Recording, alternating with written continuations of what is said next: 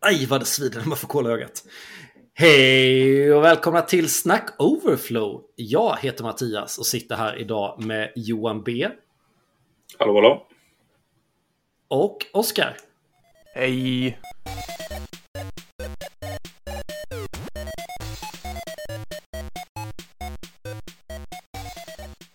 Johan, är det, är det liksom, jag tänker nu när vi har Johan A och Johan B, visst, visst går era smeknamn, om man nu kallar det smeknamn, hela vägen in i podden? Uh, ja, men det gjorde väl precis det. Eller vill du att vi ska komma något annat? Typ så här att Johan A kan vara AI Johan som förlorade game show. Uh, ja, det, det, det, skulle, det är ett passande namn kanske. Vad blir du i sådana fall? Johan B som... Ja, är du Vim, är du Vim Johan då? Ja, men så kanske det kan vara. Det är unikt nog tror jag. Ja, Vim Johan. Oskar, vad är du då? Jag är bara Oskar tror jag. Ja, det är bra. Skönt att någon är bara sig själv. Jag vill inte ha något smeknamn för det kommer förmodligen inte bli något så här med positiv klang. Om jag känner dig rätt. Ja, så jag gav dig möjlighet att skapa en själv. Nu kommer jag ut till nästa vecka fundera på vad jag ska göra till smeknamn. Så, så du satte dig själv i den här situationen. Skyll inte på mig sen. Ja. Men! Eh, horisontella team är döda, länge lever vertikala team, eller hur? Eh, vet ni vad horisontella och vertikala team är? Nej, jag säger nej. Jag, jag, jag, tänker förklara i vilket fall, även om ni säger ja. Men, men ni får gärna säga om ni känner att ni förstår det. Ja, jo, men... Så jag vet vilka jag pratar inför. Jo, men jag, jag vet. Men jag förklarar i vilket fall, för jag tycker det är så himla kul. Bra. Uh, och för att alla, delvis för att de som lyssnar ska förstå, men också så vi pratar om samma sak på samma sätt. På gamla goda tiden, för nio år sedan eller tio år sedan, när jag började koda. Då var ju det shit när man sätter ihop team, om man hade ett projekt eller ett program eller vad det än var.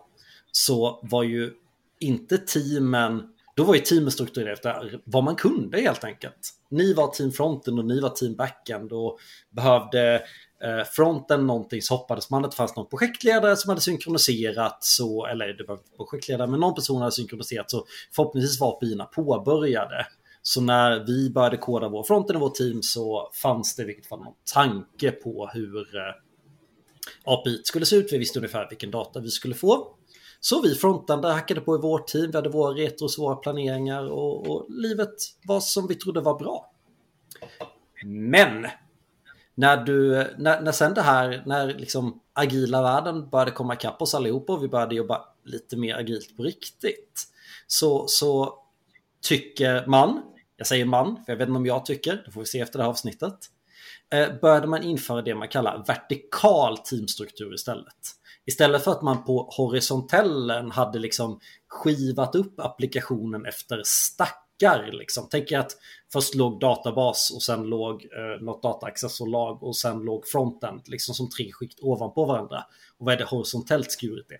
Så började man istället skära skärade, skurade, skärade på vertikalen. Så istället för att ha team frontend och team backend och team något annat, bi så hade man så bytte man till att man hade team shopping cart, team e-mail, team internet. Jag läser direkt från learn.microsoft.com. Eh, så istället för att ett team skulle leverera en del av applikationen så levererar ett team en bit av applikationen. Men det här nya vertikala teamet kan mer på ett annat sätt ta ansvar och göra hela lösningen. Skulle ni säga att är det så ni skulle beskriva vertikala versus horisontella team också? Oskar Johan? Ja, det tycker jag. Oskar?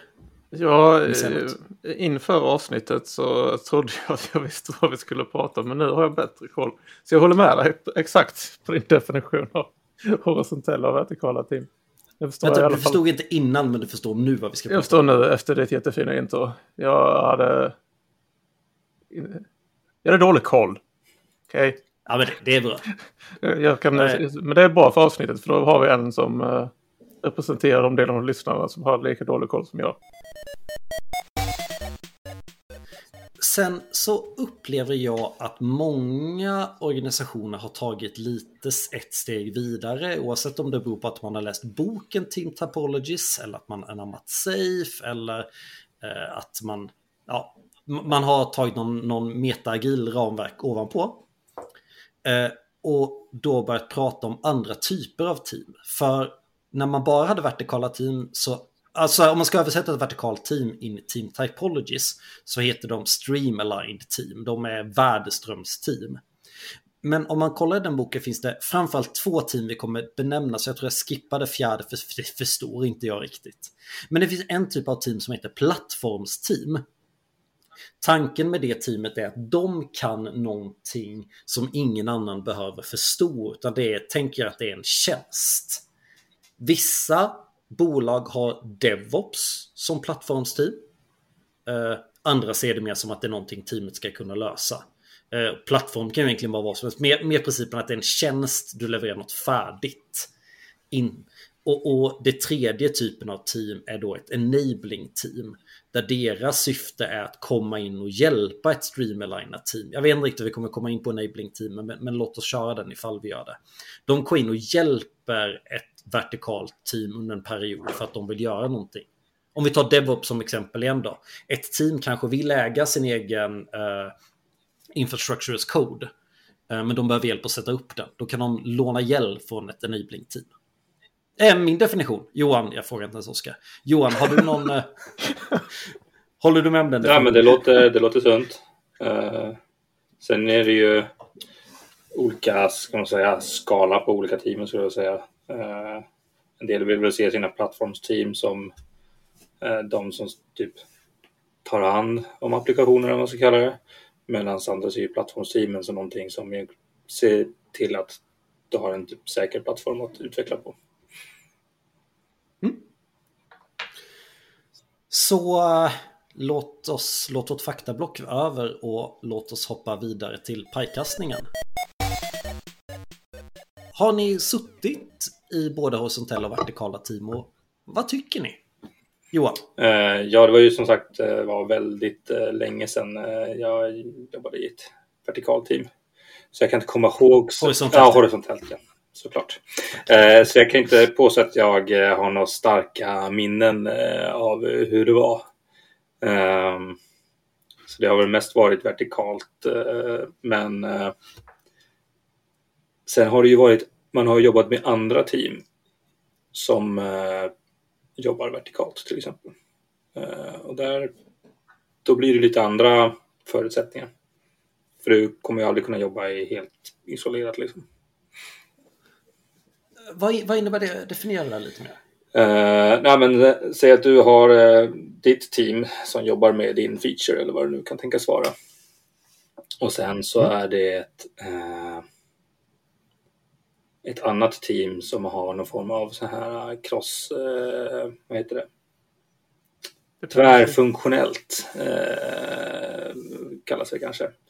Som då eh, har eh, åsikter och påverkan på egentligen alla andra team i någon av de här. Eh, om vi går in och kollar på den här fina eh, sidan du nämnde tidigare, till exempel SOA-delen. Att, mm. Eller UI-delen är väl kanske vanligare, att man har någon form av sånt team som Eh, man har liksom ett UI-team som går över hela mm. liksom, organisationen. Eh, och där kan det ju bli liksom, ja men där har det ju lite blandat då. Eh, jag vet inte om jag krånglar till allting här nu med min förklaring.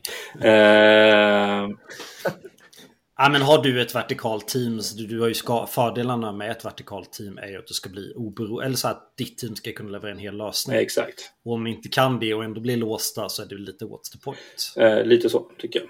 Men mm. eh, ja, det kanske kommer in till senare, men det kan ju vara Säg att du har ett team som är väldigt, väldigt backend-tungt, men de har en liten eh, tunn klient där på toppen. Eh, mm. Då är det kanske inte liksom eh, så smart kanske att ha någon som bara jobbar med frontend i det teamet. Han kommer sitta sysslolös mesta delen av tiden. Eh,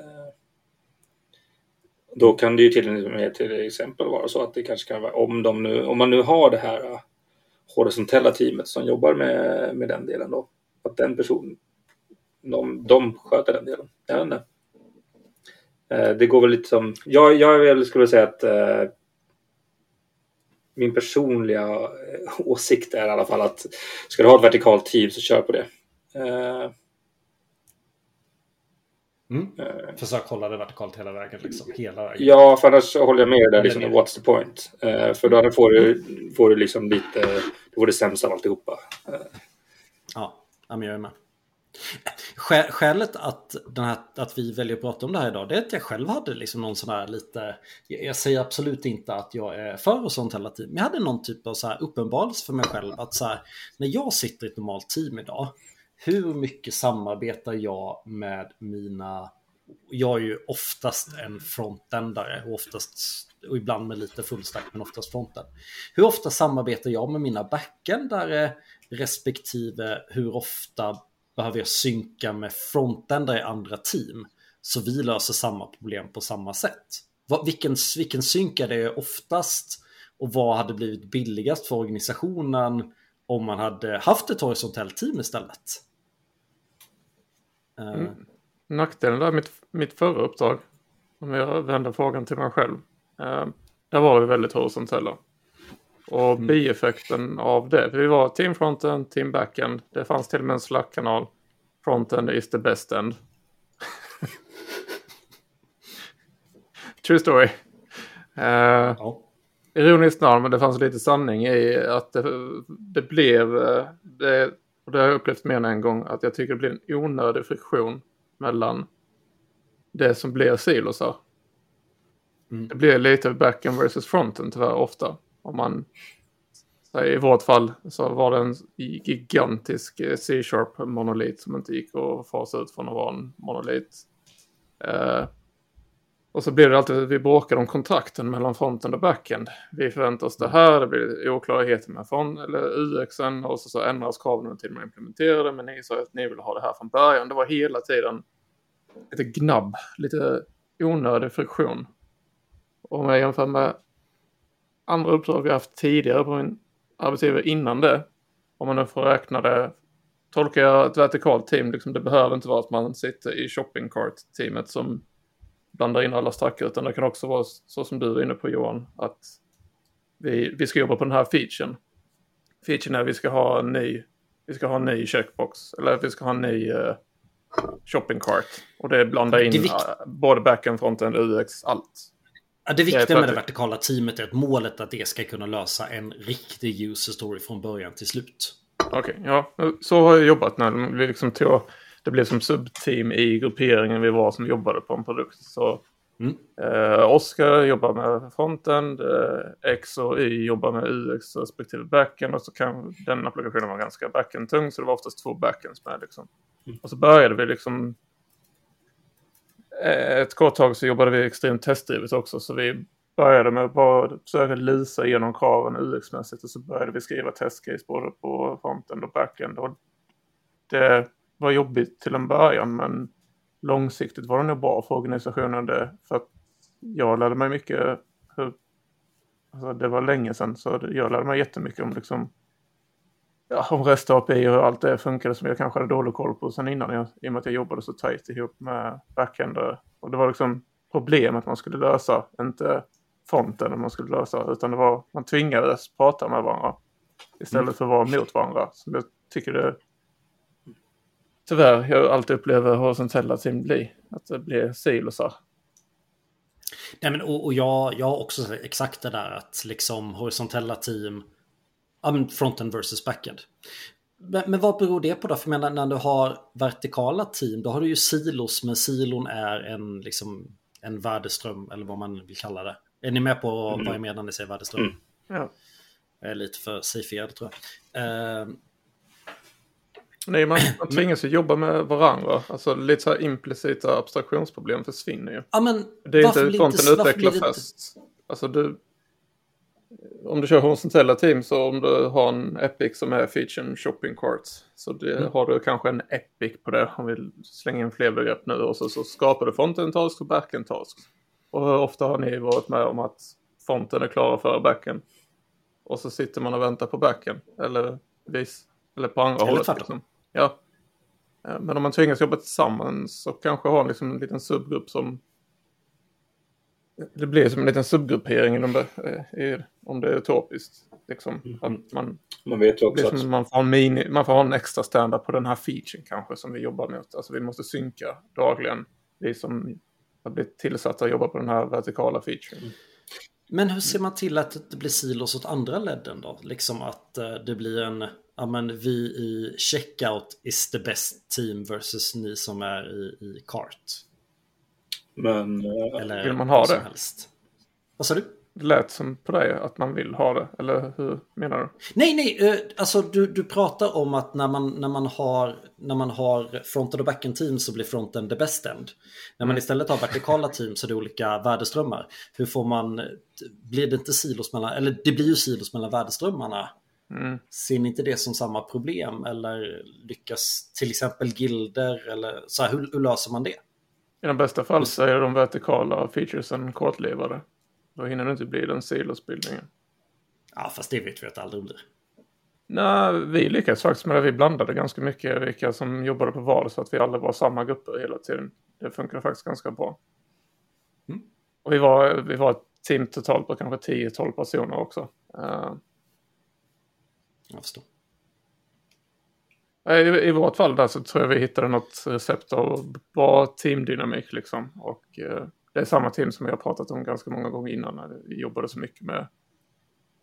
I något annat avsnitt så nämnde jag hur mycket vi jobbade på processen. Liksom. Vi jobbade på processen minst en gång i veckan. Alltså vi, vi jobbade mycket på hur vi jobbade.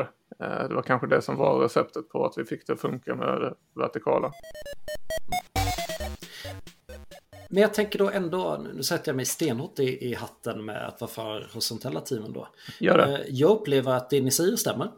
Eh, Men jag upplever också att det är en väldigt stor kostnad att synka så olika team löser en bit av stacken på samma sätt. Kodar man fronten på samma sätt i alla team eller återanvänder varandras grejer, heter backend properties, liksom har man samma property två olika teams backend, heter den propertyn samma sak? Ska de göra det då? Ja, Det är väl en fördel i vilket fall. Det beror ju på hur du, hur du jobbar liksom. Eh, För någonting som kan vara mer eller mindre samma. Alltså det kan vara olika saker för olika team beroende på vilket håll du tittar på det. Om man då Ja, men jag har ett konkret exempel. Eh, Då. Låt mig, låt mig svita emellan med det då. Eh, Cart och checkout-teamen kommunicerade inte alls med varandra. Så det blev ett jättejobb när man gick från Cart och tryckte på Go to Checkout. Då behövde klienten göra mappningskod från en Redux Store till en annan Redux Store. För att eh, API-erna såg helt olika ut. Men det var samma data. Det var bara helt olika property-namn. Och det var liksom jättestora skillnader.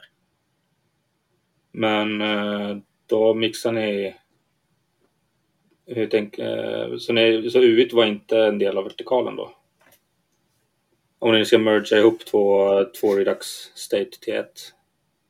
Ja men det var ju liksom så här, eh, det var ju en mini-cart och liksom add to cart, liksom shopping-carten var en sak. Sen när du liksom var klar med din shopping-cart och tryckte på go to checkout och gick liksom navigerade till slash checkout-sidan. Då var det liksom en helt annan, det man skickade om faktiskt genomförde beställningen var samma data men i ett helt annat dataobjekt.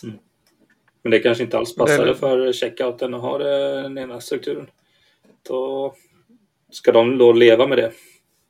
Bara för att inte behöva mappa Nej, det här det med kan vara så att karten var kanske anpassad efter produkt-API men att checkouten inte var anpassad efter produkt. Ja, liksom, jag, jag vet inte riktigt var det kom från. Mm. Men, men hade man varit ett backend-team hade de, hur fan ska vi ha samma modeller? Men nu, detta är ett praktexempel på det jag misstänker att du är ute efter innan Mattias. När det blir silosar mellan de vertikala teamen också. Mm.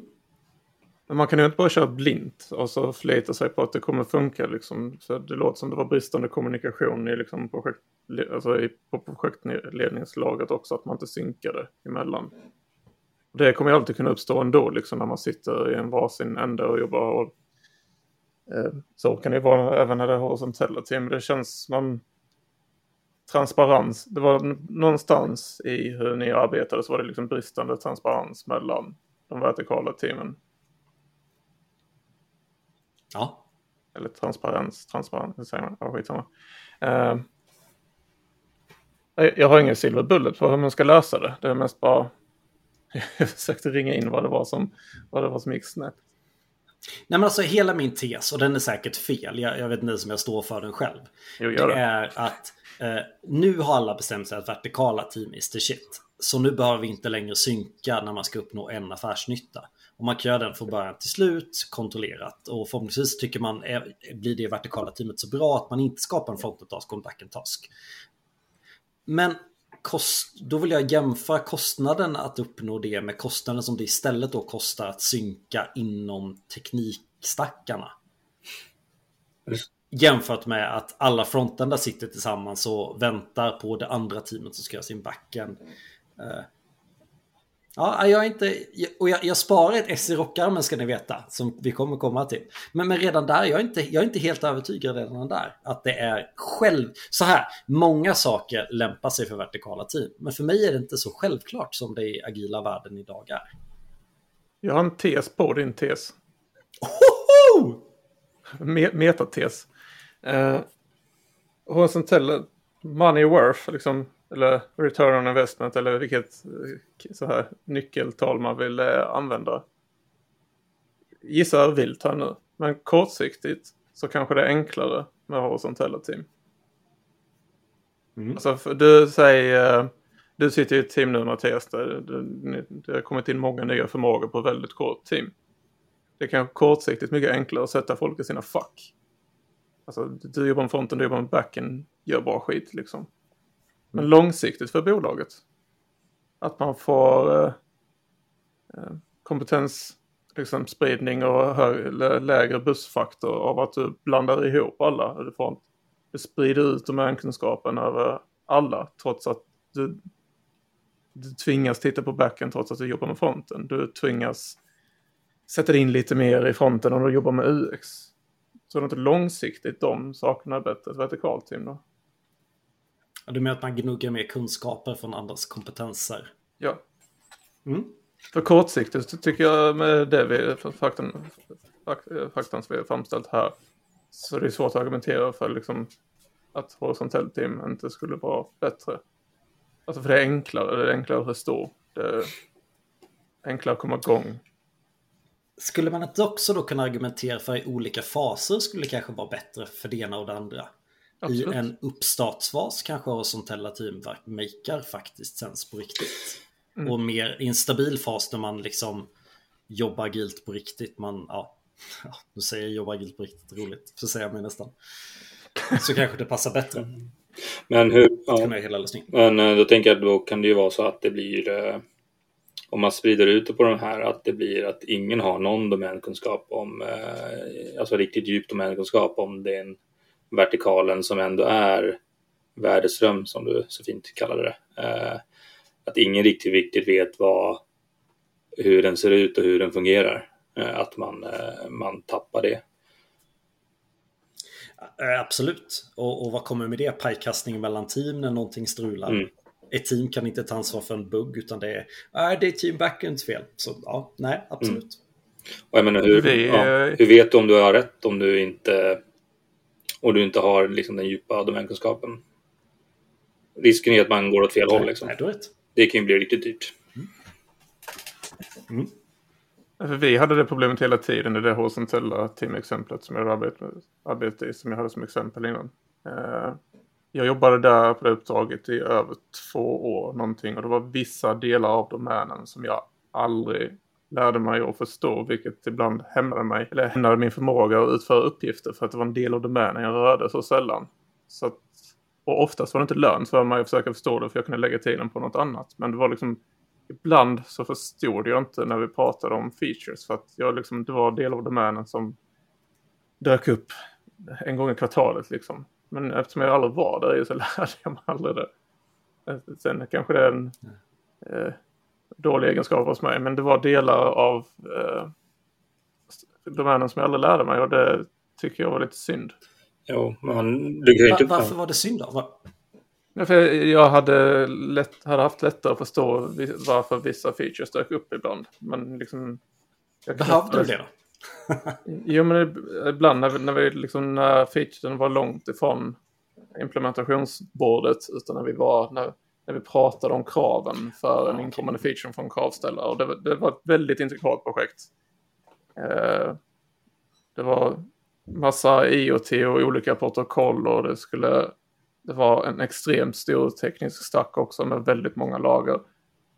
Och när vi pratade om featuresarna när man, och då jag ville vara med och uttrycka mig om UX-delen, då förstod jag inte vad, vad, ibland vad det var som skulle lösas för att det var så sällan jag var i den delen. Mm. Liksom det, det, var mest backen som styrde logiken, liksom. backen var en tjänst och i och med att jag aldrig fick vara med där så hade jag svårt att förstå den delen ibland. Mm, Dels jag tyckte det var roligare att få vara med. Alltså, men, eh, men det händer mig ibland. Ja, men kan det, ja, kan det bli då så att eh, man är ett team med liknande teknisk kompetens men eh, ingen i teamet har egentligen någon domänkompetens. Så om man då ska dela upp det här horisontella i teamet och du får ta de här grejerna så får man någon form av matrisstruktur på grejerna istället. Både horisontellt och Ja, eh, kan ju bli tokigt ja. tycker jag. Vi åkte dit på det rejält det teamet ett par gånger. Vi hade en som liksom hade hand om all DevOps och liksom allt, allt byggande av produkten. Han hade en som, vad heter de, Thread, Threadripper heter de datorerna. När man, mm. man AMD superprocessor.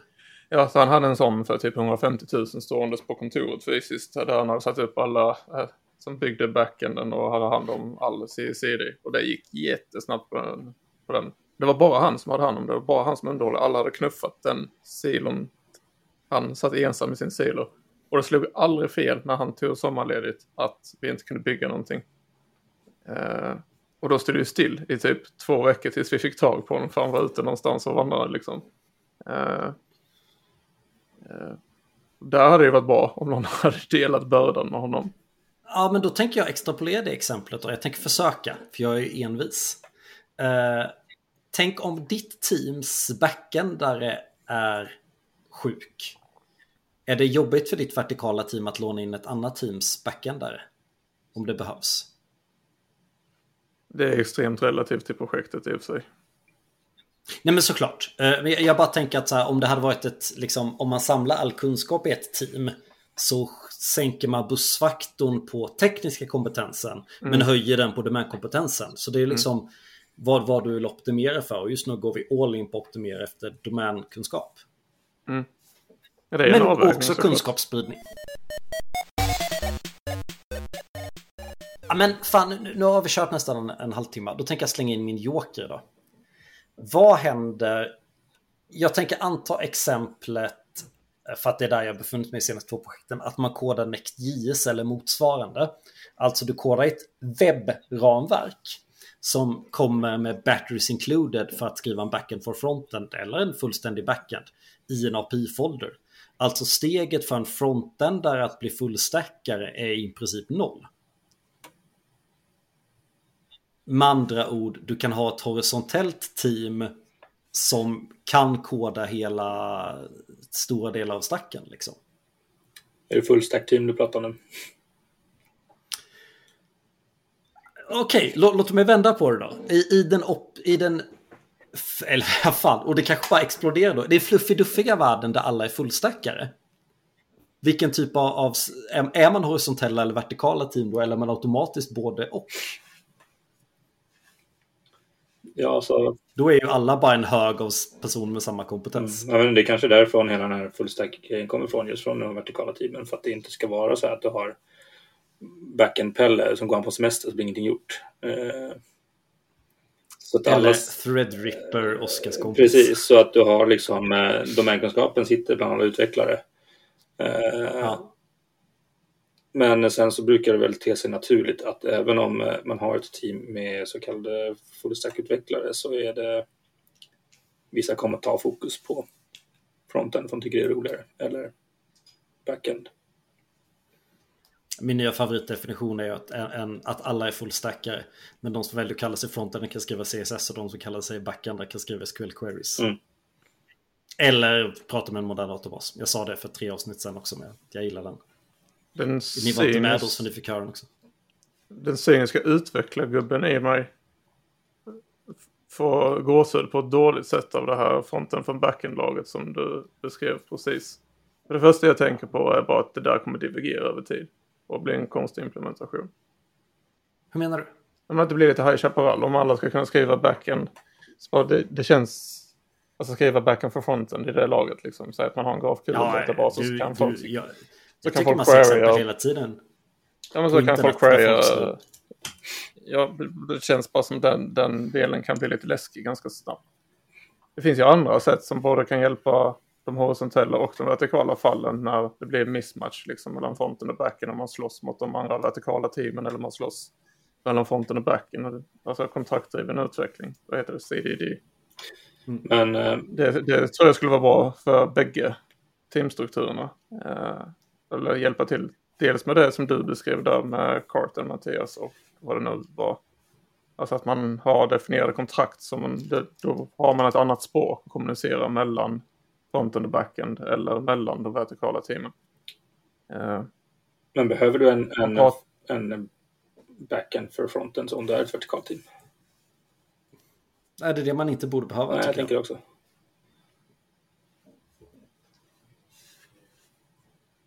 Nej, kanske inte.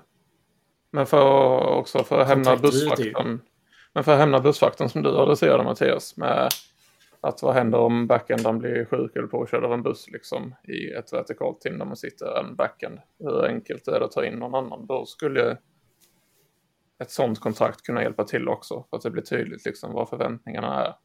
Det är inte muntlig kommunikation utan du pratar i språket JSON och du kan se vad förväntningarna är liksom. Det- hade hjälpt mig i många av de här fallen jag hade beskrivit. Så. Jag har aldrig sett på det än. Alltså det känns som CDD har varit på tapeten. Alltså vi har ju pratat om det några gånger här i podden och Fredrik har ju pratat om det jättemycket till exempel. Men jag har aldrig stött på det än så Nej, men- länge. Ja, alltså så här, det är jättebra om man har horisontella team. Det är bara att vi inte jobbar i horisontella team längre. Det är därför Nej. det inte händer. Enda gången, det, det liksom... Och, och därför hänger det ihop med horisontella team för att man har en för komplex backend, eller vad man ska säga. Eh, Och jag tycker, nu ska jag förkrångla till det för er ännu mer då. Eh, Ja. Tänk att ni har... Eh, eh, nej men tänk att ni är fem team som jobbar med olika typer av tjänster. Det kan bero på att ni gör olika närliggande applikationer men alla använder samma datakälla. Mm. Eh, Så det är liksom ett team som jobbar med, bak, med backend-källan. Säg att man har köpt in ett produkthanteringssystem av något slag. Säg att man är en e-commerce. Köpt in ett produkthanteringssystem. Och ett team jobbar med produkthanteringssystemet. Och de fem andra teamen anropar bara liksom det lagret. Då är det ju liksom verkligen, då är ju teamen, fronten, teamen, bit, liksom man ska kunna anropa de tjänsterna. Och så har man ett femte team, eller det blir sjätte då, som bara gör de tjänsterna. Du menar att det är typ någon form av... Plattformsteam. Nej men, men, men ta Facebook då. Eh, Facebook har säkert ett team som jobbar backend med wallen och sen har de fem olika team för olika plattformar. Eh, liksom som gör som använder den datakällan på lite olika sätt. Är det här det fjärde teamet i Team Topology snart snackar om nu? Jag tänker, jag vet inte. Nej, jag tänker nog att det är ett värdeskapande team, men det skapar värde för de andra teamen. Mm.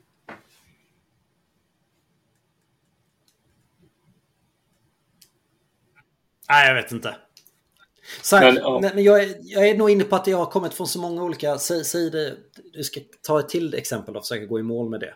Eh, jag har varit på en bank och vi hade frontendare och backendare och testare i teamet. Eh, men så fort vi behövde göra något behövde vi prata med ett annat team som fixade K-bollen först. Om vi hade kunnat se till att att vi hade kunnat vara tillräckligt mycket fullstack. Troligt, och jag tror att det lättaste sättet att nå fullstack är att skriva samma språk. Eh, Så en person hade kunnat skriva både fronten och backend. Så hade det varit lättare för oss att ha, ja, eller jag vet inte, att ha ett horisontellt team. Fast eftersom att vi fullstackar när man blir, är man fullstackare, ja, jag vet inte, jag slår knut på mig själv här. Men där blir kobolnissarna i sammanhanget någon form av enabler team då. Så fort det kommer förändring så kommer De krypandes ut från sin sten och neblar kobold. Hur gammalt är kobold, Mattias? Det var en fråga i förra... ingen aning. 63 år. Men det, det är alltså... Det du pratar om är någon form av eh, subsystem som ska göra någonting som eh, av värde liksom, för andra team. Ja, prin principen. Du kommer ändå inte hela vägen ner till databasen. Du, du som team kan av tekniska skäl inte lösa hela problemet. Det tycker jag man stöter på hela tiden. Mm. Men vad är... Du, det är väldigt sällan du går hela vägen ner i databasen. Mm. Kan det ibland vara så att eh, du har ett för stort problem så du behöver dela upp i mindre problem kanske? Då? Och då är frågan om du ändå har då, då har du viktfall, då har du redan två horisonteller. Ska den över horisontellen bestå av vertikaler eller horisonteller? Nu ritar jag i luften här. Mm. Poddvänligt. Men, men vi vet i vilket fall att vi har en undre horisontell som inte kommer åt för den är komplex. Och sen har vi en övre som är mer liksom, modern utveckling. Ska den övre av de två lådorna bestå av vertikala team eller horisontella team? Okay. De kan ändå inte lösa okay, så du tänker som ett vertikalt team som vars eh, uppgift är att det tillhandahålla olika system som gör olika saker baserat på någon form av eh, plattform man är på eller? Ja, typ så. Okej, okay. ja. Det känns, det känns lite snårigt med en sån uppsättning tycker jag.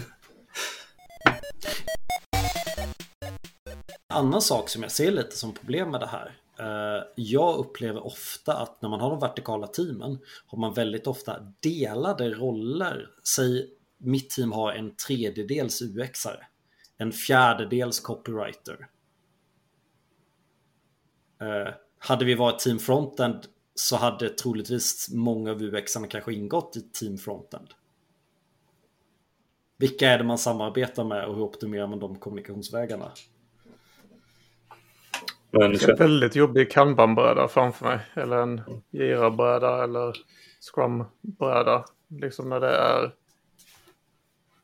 När alla inblandade parter har en varsin task. Och de liksom har korsberoende mellan varandra. Varje task liksom vänta på den andra för att bli färdig. Det känns som... Det blir svårt att dra den epiken i mål.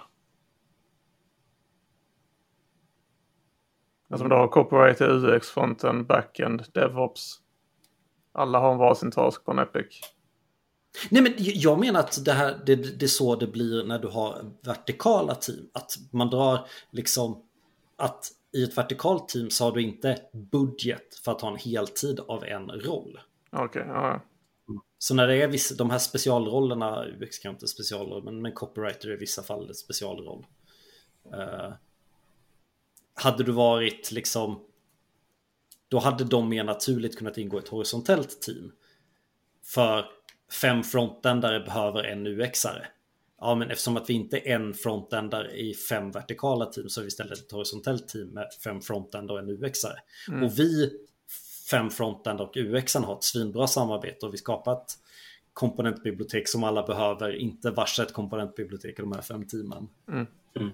Men för vi kan samarbeta bra. Det tar lite längre tid för en uppgift att ta sig från början till slut och det blir lite missförstånd mellan fronten och backen för det var inte exakt den datan som behövdes som fanns och så vidare. Eh, men det är det värt, påstår jag nu, för att eh, de inom den här horisontellen kan samarbeta mycket bättre och att den typen av kod blir bättre och snabbare och fokuserar på de pain pointsen man brukar ha tillsammans. Är viktigare. Mm, men hur, ja, hur blir det då med, säg att det, det här gäller två team och tre andra team, de behöver sina frontändare 100 procent. Ska de vara med då i den här horisontalen också eller blir det bara de här två andra som är över? Eh, de lirar alltså, inte så bra tills... Rätt svar. Nej, det känns som de lirar inte så bra med varandra. Men det känns som, alltså vertikala team är mycket känsligare för verkligheten. Säg du, du har ett team där ni sitter i tre olika tidszoner. Någon blir sjuk, någon tar semester. då kommer det vertikala teamet hända något enormt av liksom bara den mänskliga faktorn. På så sätt så står ju eh, kanske horisontella med tidens stand lite bättre på det sättet. Alltså säg att du sitter i olika tidszoner, folk kommer och går lite. Eh, då har du bättre riskspridning. Att man kan domänen i sin stack. Men är de, alltså är de, eh, behöver det vara liksom eh, uteslutande det ena eller det andra? Ja. Eh, jag tänker säga att du har din uppsättning med dina vertikala team och eh, sen kanske finns något behov av att ha ett gemensamt komponentbibliotek eller vad man nu kan tänkas vilja ha som man vill dela på.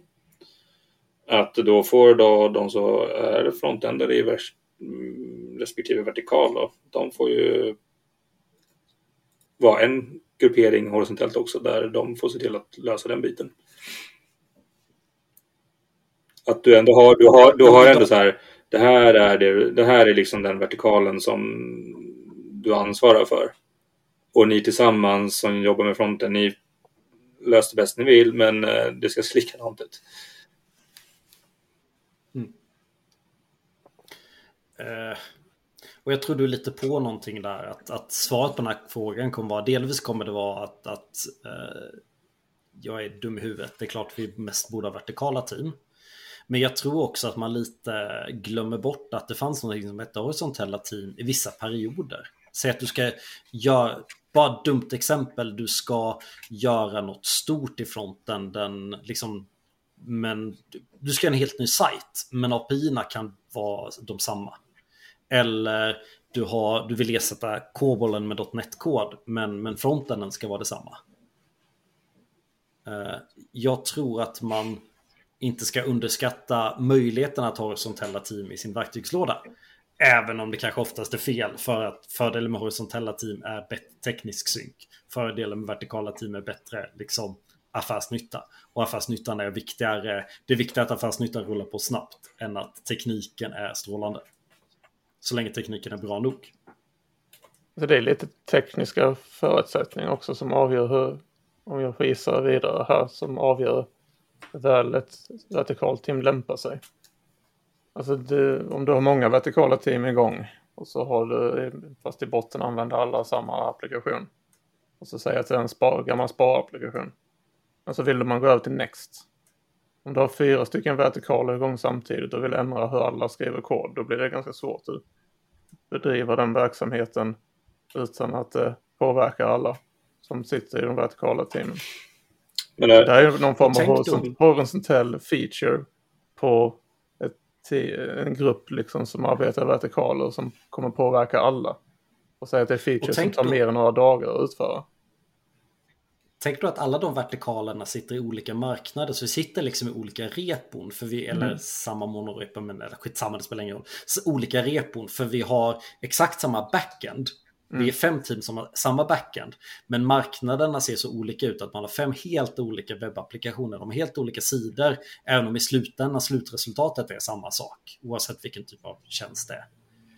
Då kommer liksom eh, marknad A, marknad B och marknad C börja skriva på sin Next-applikation parallellt. Inte tillsammans utan var för sig.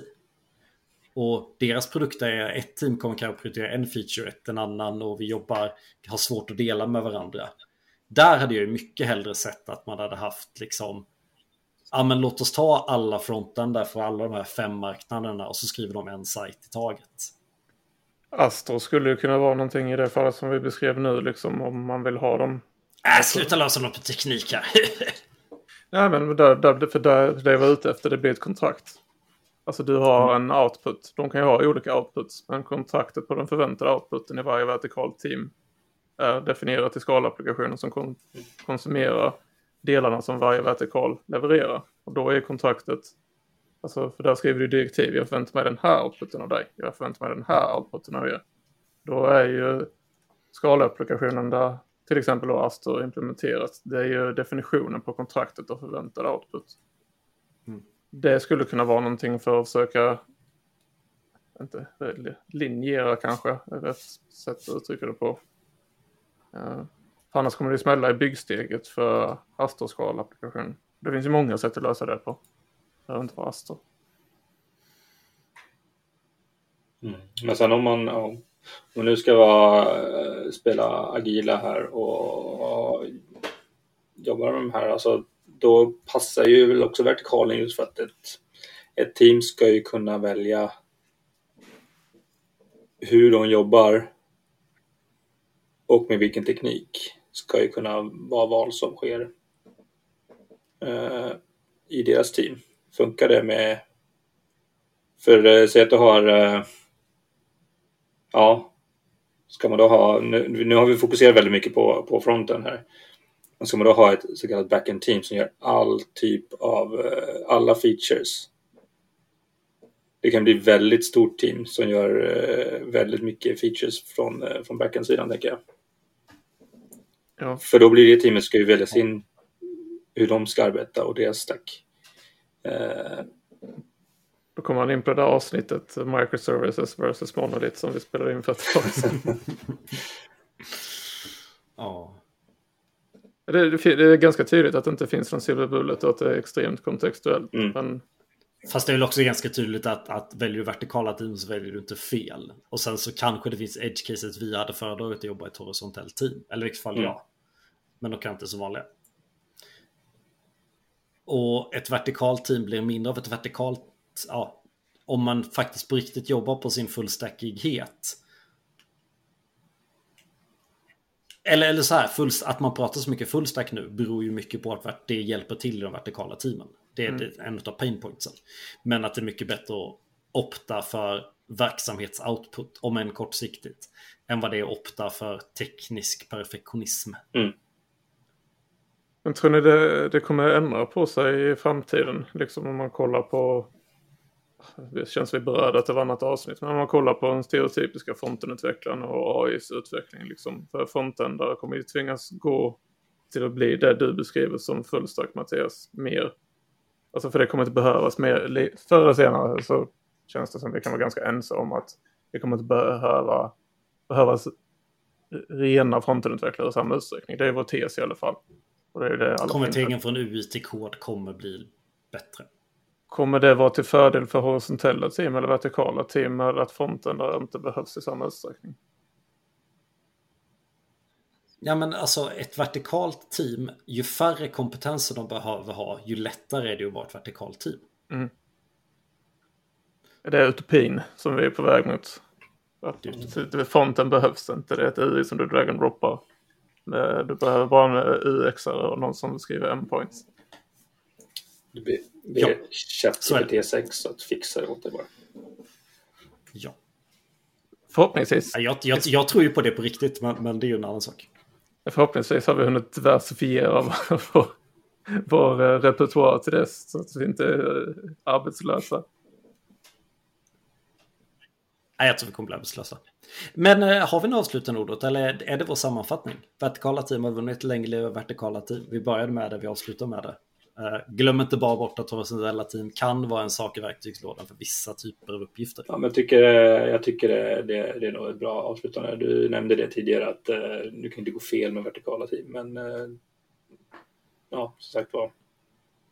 Tänk på att det finns horisontella team också. Och glöm inte bort att horisontell, vertikala team behöver, behöver gilder eller communities of practices eller vad den vill kalla det. Och de mår mycket bättre om man faktiskt investerar tid i sin fullstackiness. Jag, jag tycker det är viktigt att understryka också. Alltså, för jag, vet, jag har inte läst boken som ni refererar till, men det finns säkert 1200 mediumartiklar som berör det här ämnet. Och, alltså man, många, alltså de beskriver detta är lösningen. Så här ska vi göra, alltså detta en silver bullet. Men jag, jag tror verkligen inte på att det finns silver bullets när det kommer till sån här Alltså som ändå är avgörande för hur man arbetar i projekt och teamstrukturer och stora IT-organisationer. Nej, men det är väl... Kontextuellt i hur organisationen ser ut men också hur den ser ut tekniskt. Mm. Ja, men det rätta svaret på nästan alla de här frågorna är alltid det beror på. Ja, klassiskt utvecklat svar. Men jag tycker detta ämnet speciellt känns som man ska vara försiktig och peka med hela armen även om du försökt göra det innan Mattias. för ett sånt här team. Men eh, det... jag. Ja, jag tycker att man ska vara försiktig med att dra slutsatser på mediumartiklar och eh, en bok liksom. Ja, nej, men det, det, det, det, du säger är ju, gäller ju egentligen allting. Du måste ju, alltså, annars har du ju bara apat efter någon annans uppfattning. Du måste ju faktiskt eh, efterläsa efterläst de här 10 000 mediumartiklarna och någon bok eller två så får du ju fatta dig din egen uppfattning och inte bara liksom repetera det de sa. Ja, men då kör vi det viktigaste med hela veckan då. Eller en, har vi några sista? Nej, nej, vi kör veckans tips. Ja. Johan, börja veckans tips. Uh, det integrerade testrunnen i Node. Uh, check it out. Den nya? Den nya. Den, uh, ja, den är väl ganska ny. Den är väl från Node 18 tror jag. Då var den, den blev stable här i Node 20. Ja, ah, okej. Okay. Var det bakom flagga innan? Uh, ja, oklart.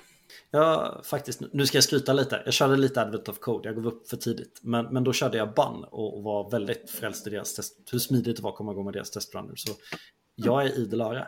Men du kör den, kör du den för fronten eller bara backend? Uh, nej, den är Node. Så du måste köra Node. Ja, precis. Så, ja, precis. Nu fattade jag rätt. Nu till slut fattade jag vad du menar. Är den krallig liksom så det går snabbt och fint och sånt där? Det tycker jag. Den, mm. Sen är det, det, är, ju, några... det är väldigt slimmat upp i. Det är typ på, på Assert är det egentligen typ två metoder du behöver kunna. Okay. Strict equal och deep strict equal.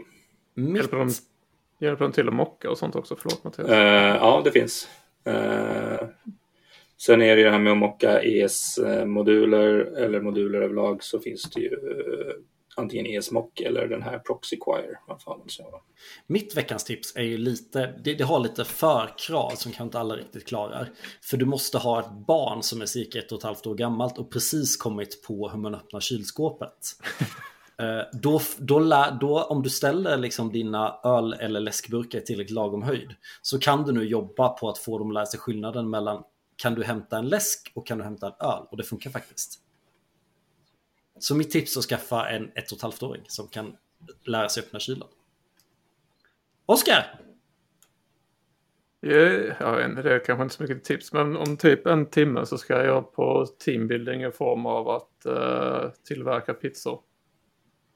Så jag, och jag har haft en pizzafas, så jag hoppas kunna få briljera med mina pizzakunskaper på den här teambuildingen. Och typ säga att en eh, pizzastål har för hög eh, termisk konduktivitet och att man borde köpa en pizzaugn istället.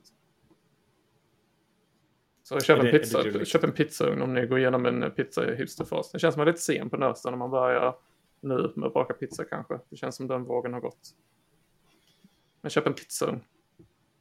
Ja, men det, det, så, så får, får jag skriva om ditt tips då? Är inte ditt tips istället att håll koll på nästa trend efter syradhet, sy, syra saker och syrkål. Mm. Eh, gått vidare till att baka surdegsbröd, gått vidare till att baka pizza. Så är det nu dags att hålla koll på nästa trend som borde vara runt hörnet. Jag tror den som pågår just nu är att eh, man ska ha en jordkällare och fermentera det man har odlat själv. Ja, det var det jag menade med syrat. För mig är det trenden innan surdegsbröd. Jaha, okej. Okay. Jag tänkte så här, eh, fermentera typ så här kottar och sånt. Ja men man... Få eh, kottsirap och sånt. Och så ska det stå i en jordkällare sex månader. Jag tror det är det hetaste man kan göra nu om man ska vara mathipster. Ja, jag litar på dig. Du är ändå från Malmö. Ja, eller, ja. Vi kan säga att jag är från Malmö. Vi bor, bor i Malmö kan vi säga. Jag har ingen jordkällare Toppen. så det går ju inte. Det är väl bara har du en källare? Du har väl, en, du har väl ett källarförråd? Köp lite jord. Ja, man, man kan öppna förrådet och titta in i det. Sen kan man stänga dörren igen. Men man kan inte gå in i förrådet. Det, det är mitt förråd. Men du skulle kunna gräva ett hål i botten? När ingen Absolut. Det hade ingen som hade märkt någonting. Nej, nej, perfekt. Och, och med de orden lämnar vi er. Ha en fortsatt trevlig tisdag så hörs vi nästa vecka. Ha det bra. Hej! Hej